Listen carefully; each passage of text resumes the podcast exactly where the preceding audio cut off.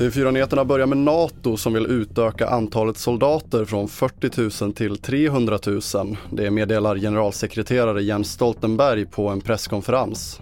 Strategin kommer enligt danska TV2 att presenteras under NATO-toppmötet i Madrid och om förslaget beviljas kommer det att genomföras under en tioårsperiod och Stoltenberg förväntar sig även att tonläget mot Ryssland trappas upp.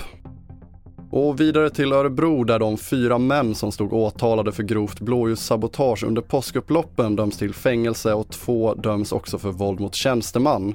Fängelsestraffen skrivs till mellan fyra och fem och ett halvt år där även två av männen döms till utvisning. Männen kunde identifieras genom filmer från platser och samtliga nekar till brott.